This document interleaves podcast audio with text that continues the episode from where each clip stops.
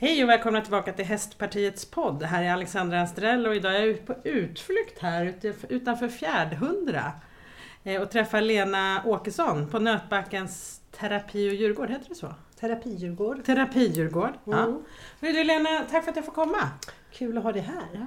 Du, du håller ju på med hästunderstödda insatser, någonting som dyker upp och har dykt upp i mina poddar väldigt, väldigt mycket och att man borde ha mer av. Mm. Eh, så jag tänkte att berätta vem du är och sen om din verksamhet och sådär. Jag är hästtjej på 60 plus. Har haft hästar med mig sedan jag var 10-årsåldern ungefär. Från början som en traditionell ridskoleryttare. Och sen har det varit mycket ridresor, ponnymamma och lite, ja, lite så. Och nu mm. är jag här på gården med sex hästar. Mm. Så det är väl hästdelen utav mig. Annars så har jag en bakgrund där jag jobbat som egenföretagare mestadels av mitt liv. Där jag hållit i ekonomi och administration. Sen har jag då utbildat mig på äldre dagar till ungdomscoach och gjort lite andra kurser och sånt som lite ridterapi och lite annat. Mm. Och vad gör jag här på gården nu då? Nu, eh, det är ju hästunderstödda insatser och det jag gör det är att jag har det som aktiviteter, coachning och det är framförallt ungdomar som kommer hit med olika, olika problem. Det kan vara social ångest, och det kan ju också innebära att de i förlängningen då är hemmasittare för att mm. de inte kommer utanför dörren. Men det är liksom ett grundproblemet i den sociala ångesten som eh, de kommer för. Andra kommer för, eh, de har självskadebeteenden. Mm. Det är lite olika vad som bekymrar dem. Och så har jag också HVB-hem som kunder. Och de kommer ju mer i mindre grupper. Mm. Och eh, där kan det vara olika aktiviteter som vi gör beroende på vilka de är som kommer just den här mm. gången, vilka som bor på gården för tillfället. Liksom. Då kommer man hit typ en timme eller så, man hänger inte här en hel dag? Utan... Nej, man hänger inte en hel dag utan man kommer på en avtalad tid och mm. eh, ibland är det en timme. Jag har också en liten lördagsgrupp som är på två timmar. Mm. Och det som genomsyrar liksom alla de här mötena så är det ju samtalet. Så hela tiden är det kopplat till samtalet och eh, Hästarna pratar vi liksom om, om deras sinnen och hur de fungerar. Så att just det här med att förstå hästen gör att man också kan förstå sig själv ibland. Och man kan också prata om olikheter. Vi pratar ibland om gruppdynamiken, om jag kanske har en liten grupp här. Mm. Hur flocken fungerar, vilka olika roller som finns i flocken. Och hur fungerar det för oss när vi är i grupper? Mm. Vilken har vi några roller i gruppen? Vem är vem? Vad gör vi? Och kan vi lära oss att samverka fast vi kanske inte är världens bästa vänner annars eller så? Det kan vara lite olika. Mm. Så att första mötet, eller alla möten brukar vara så att vi börjar med en samling, stämmer av liksom hur, är, hur är läget för dig eller er idag? Och sen så avslutar vi också med ett sånt läge. Men däremellan så är det en fri aktivitet. Mm. Och eh, jag har alltid liksom en idé innan om vad vi som ska göras eller inte göras. Men med den ramen så kan jag vara trygg i att ändra det utifrån hur den människan eller de människorna mår som kommer hit just nu. Kan du... Så du måste ju ha sett en hel del utveckling hos personer som mm. kommer första gången och efter ett eh, antal gånger. Är det någon sån utveckling som du kan beskriva? Liksom? Ja men det kan vara ett, eh, första gången som en flicka kom till mig så hade de bokat in sig på en sån här lördags, liten lördagsgrupp. Och eh, då var det som så att eh, det första mötet så hon gick liksom inte upp i sängen. Mm. Så att då fick jag börja med att ta sam telefonsamtal med den flickan när hon låg i sängen och vägrade gå upp. För att se, är det inte möjligt att de kan tänka sig att komma hit ändå? Mm. Så kan vi liksom se. Vi behöver liksom inte bestämma något, vi behöver inte liksom ha några, några sådana grejer. Utan då får de komma ensamma. Då säger de, får, du får komma ensam, du behöver inte träffa några andra mer än mig mm. och mina djur. Och då kan det börja så, en sån första gång, liksom, mm. att vi bara kommer hit och vi bara samtalar lite grann. Sen bygger jag ju på att eh, när man kommer hit det första jag försöker göra är att skapa en relation för att de ska känna sig trygga med mig och med djuren. Så att allting handlar om att bygga relationer. Mm. Och då är det, ofta så hjälper hundarna mig väldigt väl i början att Ja just det, du har två hundar också. Ja, och de hjälper mig ju jättemycket med att skapa relationen från början. Så att eh, den här flickan hon, hon har utvecklats ganska mycket på den här tiden. Och det är ju också att man lär sig att prata om känslor. Och det, eftersom jag jobbar som coach så är det ju inte jag som vet några svar. Utan jag använder ju MI som samtalsmetod som är motiverande samtal. Och där gäller det för mig liksom att kunna hjälpa den här ungdomen att se sin egen potential och svara på sina egna frågor genom att jag ställer frågor. Och på så sätt kan man liksom utveckla dem tillsammans med, med hästarna till exempel när det gäller självkänsla, självförtroende, Mm. tillit, Mm. kontrollbehov som många har. Många har ju ett stort kontrollbehov. Och, eh, nej men det, är, det är fantastiskt hur det kan utveckla sig. Så att den här flickan idag hon håller på att söka sig tillbaks till lite olika utbildningar och börjar liksom röra sig lite mer ute i samhället. Och Mm. Man ser liksom att det funkar på ett Mm. annat sätt. Och kan även vara i en liten grupp idag. Mm. Så man kan ju börja många gånger med att man börjar komma hit själv. Och sen så kan man hoppa in i en liten grupp. Mm. Så att man liksom stegvis tar sig vidare. Och då är man liksom utanför sin vanliga komfortzon med familjen utan man kommer liksom hit. Men då har de tryggheten i mig, gården och djuren och Mm. vet liksom att det funkar bra. Mm. Då känns det tryggt som ett tryggt pl- plats. Mm. Så det här med trygghet nu är jätteviktigt Mm. att man ger dem. Bra relation som är trygg. Men det här måste ju vara jättesvårt tänker jag, för jag vet ju en del eh, som verkligen är introverta och, och svåra att nå. Känner du inte någon gång att det är liksom tröstlöst? Absolut inte. Sen så finns det ju tillfällen att det inte passar alla. Mm. Och det kan också vara som så till exempel att någon mamma är alldeles förtvivlad och, och ringer och vill komma hit med sin dotter eller sin son. Men vi, finns inte den lilla viljan hos dem, Mm. då kan inte jag göra något. Det måste Mm. finnas en liten vilja som jag kan plocka upp och Mm. dra lite i för Mm. att komma igång med dem. Mm. Så att det går inte, de kan vara introverta, det gör ingenting. För man kan, man kan ha tysta fina meditationer till exempel med Mm. hästarna. Och man kan få det mest introverta att börja skratta när hästarna busar och drar Mm. igång och det händer grejer. Och det, jag har ju mest eh, verksamheter som är icke uppsutten utan det är mycket med hästarna från marken. Mm. Mm. Sen så har vi även uppsutten verksamhet men det är mer att vi då, det är inte ridning i traditionell mening utan det är mera, vi lär oss andningstekniker, hur vi påverkar hästen, Mm. hur vi kan liksom reglera balanser och lite sånt här.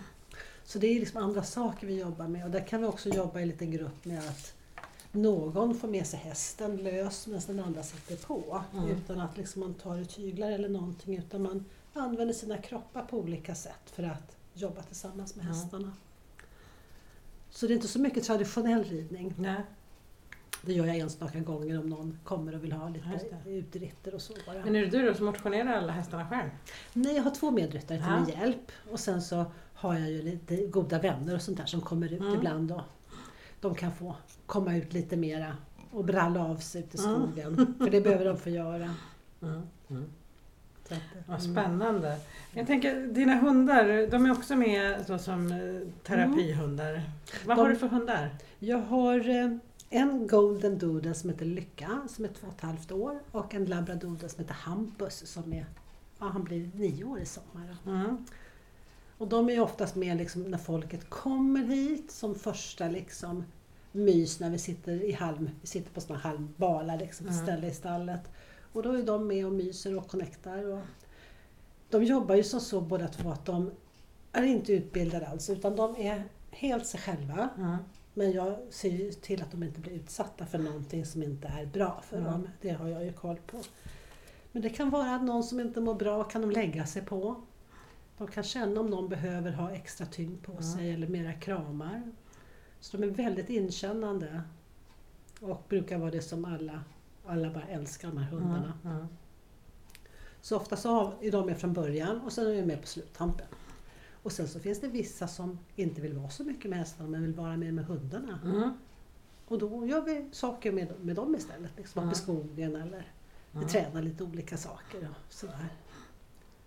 Så det är inget krav att man måste gilla hästar liksom? Nej, och det är så här att när man kommer hit så brukar jag säga det till de som kommer hit att det finns aldrig några måsten här. Mm. Utan allting bygger på att det finns en vilja. Sen vad vilken aktivitet vi än ska göra så finns det inte några måsten. Nej. Utan det är viktigt att man förmedlar budskapet att man kan alltid säga nej.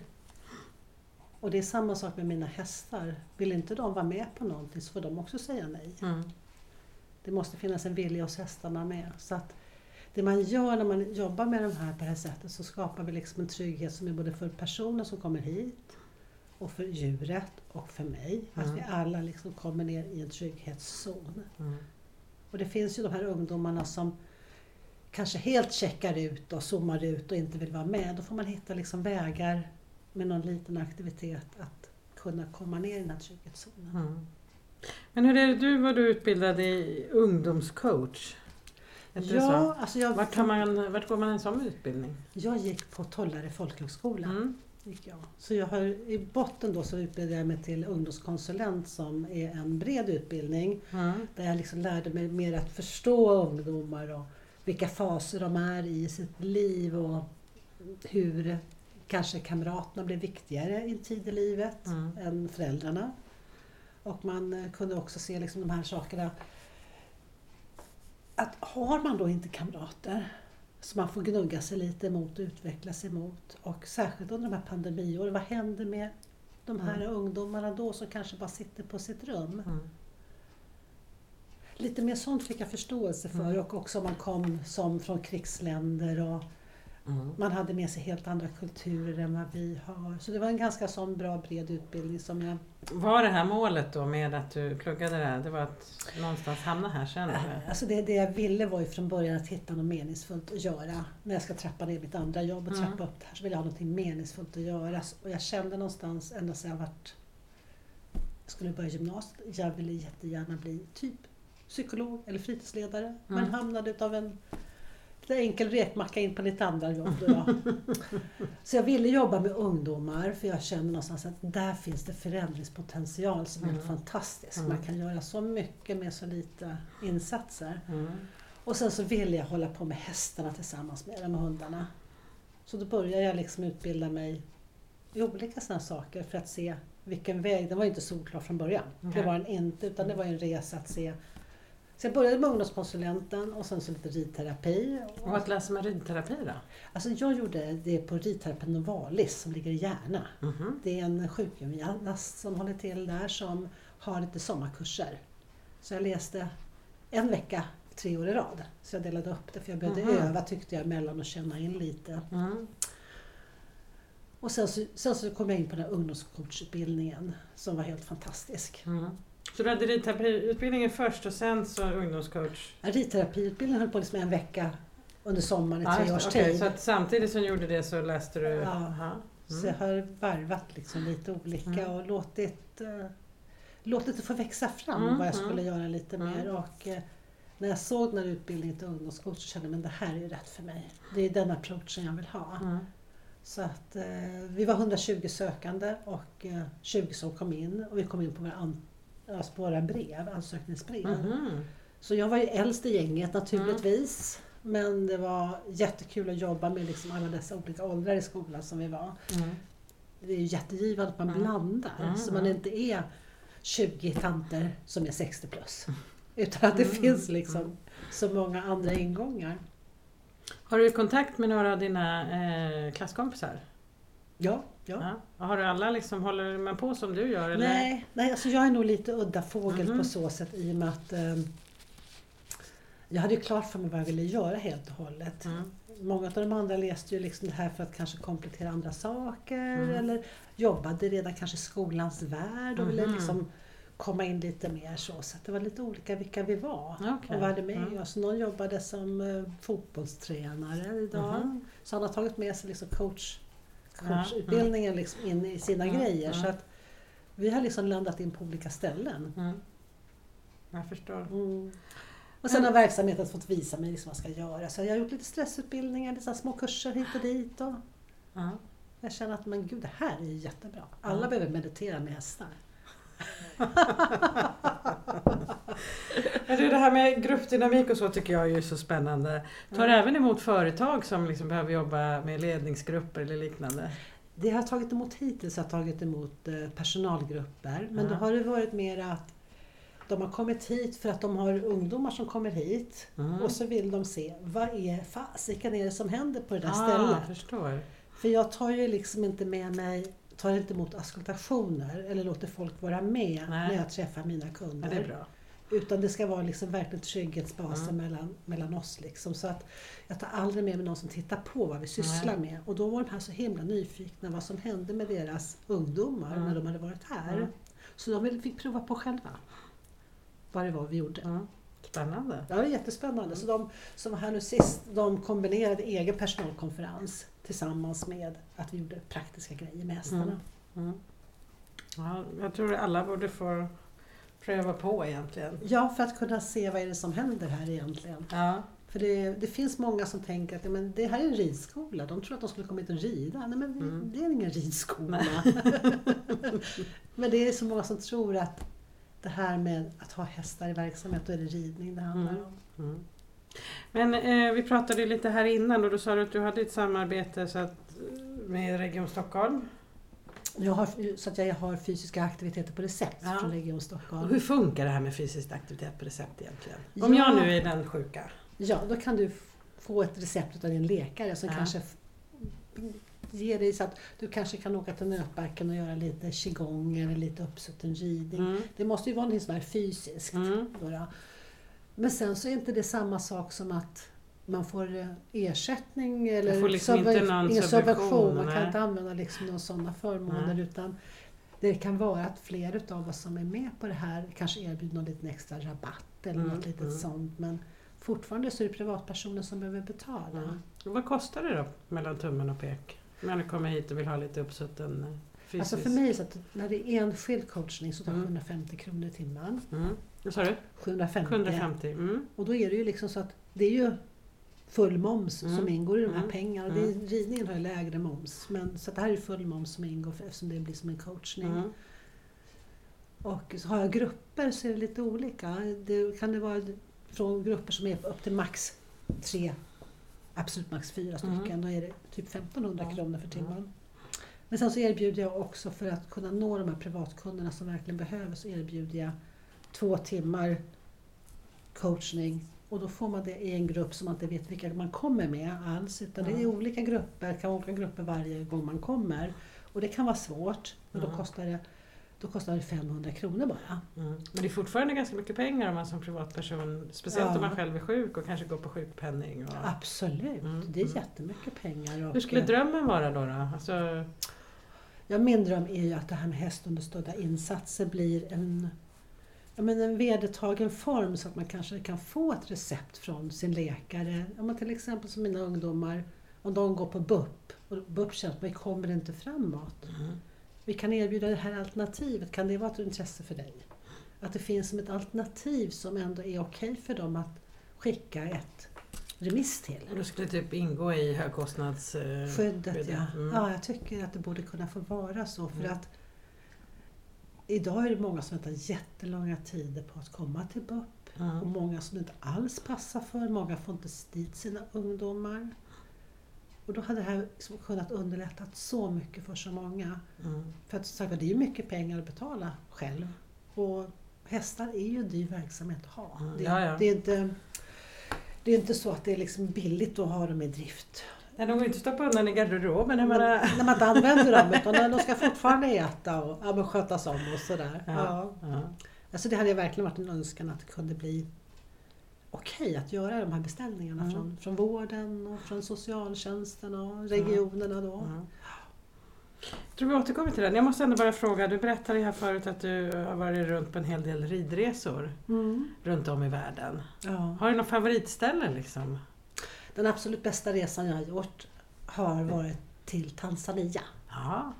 Då han... Det låter ju inte som något typiskt ridreseland. Nej, kanske inte är. Det var en eh, svensk eh, kvinna som eh, drev det här stället i Tanzania som låg ganska nära Kilimanjaro. Och vi var på ridsafaris. Mm -hmm. Så att vi, ja, det var en fantastisk resa. Vi var och red på sådana ställen där man i vanliga fall liksom inte kan ta sig eller rida Ja. på utan det brukar vara sådana här avgränsade områden när man åker på safaris. Mm. Men här var vi ute i nowhere. Var du inte rädd för att något lejon skulle springa ikapp dig där eller? Nej. Nej. Men vi hade med oss liksom den här kvinnan och så hade hon med sig sin, eh, sin sambo som var lite mer spejare, spanare och hade Mm. lite karl. Och sen så fanns det också med någon armerad Mm. man på en häst som, om det skulle vara som i värsta fall.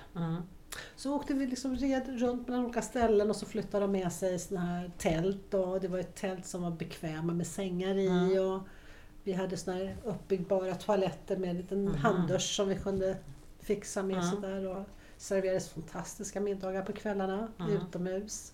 Elefanterna trampade förbi nära tälten Mm. där man låg och sov. Så var vi på lite sådana olika ställen som vi red runt på. Det var Gud vad fantastiskt. häftigt. Ja, det var Ja. häftigt.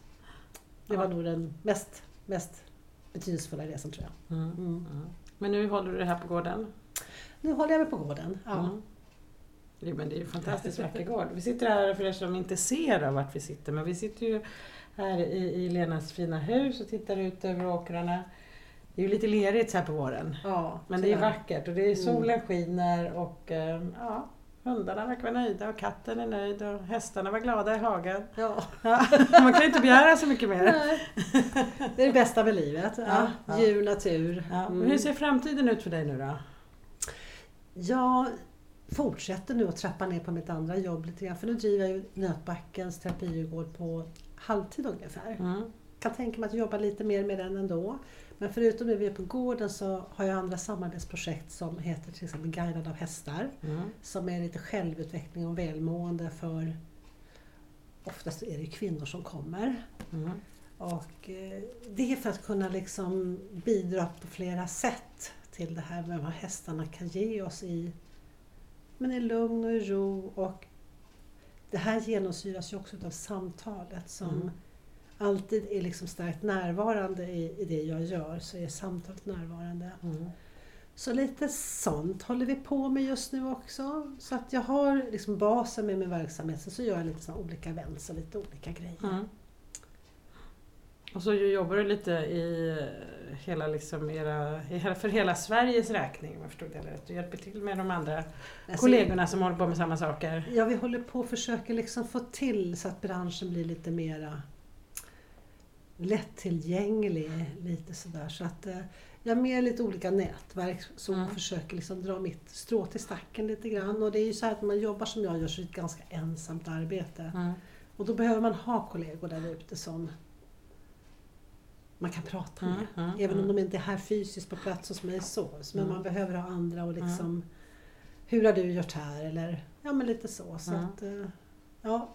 Och då finns ju organisationen för hästunderstödda insatser som håller på att öppna upp lite mer nu och känns som att de är på frammarsch ordentligt. Mm. Vilket är jätteroligt. Det har ju under en, alltså redan 2016 när jag jobbade mycket för att ridning skulle bli eh, avdragsgillt som friskvård så upplevde jag att redan då fanns det en syn och fortfarande en syn lite på att det här med hästar inte är riktigt legitimt som företag eller att det faktiskt ger någonting. Hur, hur kommer det sig att det är så tror du? Ja, ibland så skulle man liksom vara någon som satt på Skatteverket och satt på någons axel och lyssnade på vad de sa. Hur kommer det sig att det är som det är? Jag vet inte. Är det liksom det här äh, att de inte förstår riktigt Mm. vad hästarna faktiskt betyder för oss människor? Mm. Hur viktiga de är för många människor. Och inte bara ridningen utan just i samvaron. Mm. Vad de skapar liksom i, i lugn. Hästarna är ju liksom på en annan frekvens än vad vi är och det Mm. innebär att vi behöver komma ner i lugn för att kunna liksom få det här att bli bra. Mm. Och jag skulle önska att de kanske kunde komma på ett litet studiebesök på Skatteverket och se vad vi gör och Mm. kanske prova på att uppleva det här. Jag tror att det är någon förlegad syn på att det här är någon överklass-hobby Mm. eller någonting sånt. Men det känns som att det är, så, det, det är ju inte alls på det viset längre. Om det någonsin har varit det, jag vet inte. Nej, nej, verkligen inte. Vi har ju haft med oss hästarna i urminnes tider Ja. som hjälp och allt möjligt. Så att, ja, det är märkligt. Men du, det här med hästar är ju massa saker. Det är ju ganska brett. Allt från den som odlar hö till ja, man är ridskola mm. eller vad man nu gör. Och det finns massa saker som man kan bestämma om, tänker jag, både i kommunen och regionen och, och i, i riksdagen. Om du hade möjligheten att vara minister för en dag, vad skulle du bestämma för att förbättra för Sveriges hästnäring? Ja, men då skulle jag bestämma att hästunderstödda insatser skulle vara något som man vedertaget kan, kan så att säga, handla in. Mm. Om det då är på högkostnadsskyddet när det gäller liksom, eh, vården eller på andra sätt i region, eller på kommunerna när det kanske är som så att det här kanske är något som socialtjänsten ska kunna mm. också köpa in. Mm. De har ju de här kommunala aktivitetsansvaret och de har lite olika mm. sådana här saker. Att det här mm. finns som ett vedertaget sätt att det här är bra för så många. Mm. Att hitta sätt som inte inte är på en psykologsoffa alla gånger utan på ett annat sätt. Man mm. möter människor från en annan vinkel som eh, gör att de kan öppna upp på ett helt annat sätt tillsammans med djuren. Men du, det här man läser i tidningarna överallt statistik på, på ungars eh, psykiska ohälsa och att det ökar mm. och blir värre och värre. Och, vad beror det på? Varför mår ungarna så dåligt idag? Det var en liten fråga va? Ja, men det var en jätteliten fråga. Jag tror att en av anledningarna som har gjort att det har ökat är delvis, det här nu låter jag som en riktigt gammal stofil, men det är internets påverkan på många. När det gäller trycket på ungdomar speciellt. Det är ett väldigt tryck på ungdomarna där ute. Och det är också det här med de här pandemiåren som har varit. Vad har det gjort med ungdomarna som har fått vara hemma så här mycket? Mm. Alltså det är sociala ångesten ökar ju katastrofalt. Och hur kommer vi till rätta liksom med de här baksidorna mm. av de här åren som det här är åren som de här ungdomarna haft i deras viktigaste år. Mm. När de ska möta sig mot kompisarna, när de ska liksom utveckla sig och känna av saker och ting. Och det kan man inte göra ensam på ett rum. Man kan inte det, utan man, man, måste få nöta sig mot andra och pröva sig fram. Och, mm. och får man inte göra det så har man missat en stor del av vad som är viktigt i utvecklingen. Så att jag, jag vet inte varför det ökar, förutom det som jag känner mm. att det kan vara. Men sen så tror jag liksom att internets påverkan har också det här som självskadebeteenden som ökar. Mm. Det, alltså jag, inte, jag vill inte säga att man tipsar varandra på internet, så vill jag inte säga. Men det finns liksom någonstans olika grupper som kanske inte är de allra bästa för de här ungdomarna som inte mår bra att ta del mm. utav. Men det är svårt att styra sånt där, det kan mm. man inte mm. göra. Men det man alltid kan göra tänker jag, är att man pratar med varandra. Mm. Prata med ungdomarna, fråga hur de mår. Mm. Och vad vill du göra? Försök hitta liksom saker de kan vilja göra. Mm. Och stötta dem till det. Liksom. Ta med dem, behöver de ha sociala men följ med dem ut och träna lite. Ta mm. korta grejer och, och gör saker. Bara stötta och finns där. Och våga ta samtalen. Det de behöver få prata om vad de känner och hur mm. de mår. Mm. Och det är en del av utvecklingen att kunna sätta ord på sina känslor mm. för att det ska mm. bli bättre. Men jag tror att många är lite rädda för att ta de här samtalen för de vet inte vad de ska säga. Nej. Men man kan alltid lyssna. Mm. Och man kan locka dem att prata om lite känslor. Mm. Tycker jag. Fantastisk verksamhet Lena, jag är jätteglad att jag fick komma hit och, och besöka dig. Känner jag också att jag blev så här lugnare av att sitta ja, Vad härligt, jättekul att ha dig här. Eh, och jag ska åka vidare där det är lite mindre lugnt i riksdagen idag. Ja. det är ingen polsk riksdag i alla fall. Nej, verkligen inte. Vi har lite ordning och reda. Ja. Men du, eh, vi får ju helt enkelt, eller så här, jag har ju pratat med eh, Carolina på HNS om att vi mm. kanske ska ha seminarier kring just hästunderstödda insatser i riksdagen. För att jag var med i en artikel här förra veckan och, och berättade om riksdagens hästnätverk och anledningen till det. Men jag vill liksom ha fler partier med för att mm. Eh, förstå. För har man samma kunskapsgrund så går det oftast lite bättre. Sen kanske man inte har samma eh, vägar till lösning men man har ändå fått kunskapen och informationen. Så att eh, jag ska försöka dra mitt strå till stacken. Ja men det är toppen! Bra, men ehm, då så. Till er som lyssnar så hoppas jag på ett nytt spännande avsnitt till nästa vecka. Och är det så att man är intresserad av Nötbacken terapidjurgård, vart går man in då? Jag har en hemsida som heter nötbacken.se och jag har, eh, jag finns Alltså där har jag liksom en grundhemsida. Mm. Sen är jag mer aktiv på min Facebook-sida ja, som är Nötbackens terapidjurgård. Mm. Så där hittar man allt möjligt och kontaktvägar och så om man vill höra av sig mm. eller är bara är nyfiken och kika runt så kan man göra det. Jättebra! Mm. Och gilla sidan, det brukar vara bra. Ja, det tycker jag också är trevligt. Jag tycker att de gillar sidan. Ja, bra, men stort tack för att jag fick komma och eh, tack för idag. Tack för idag.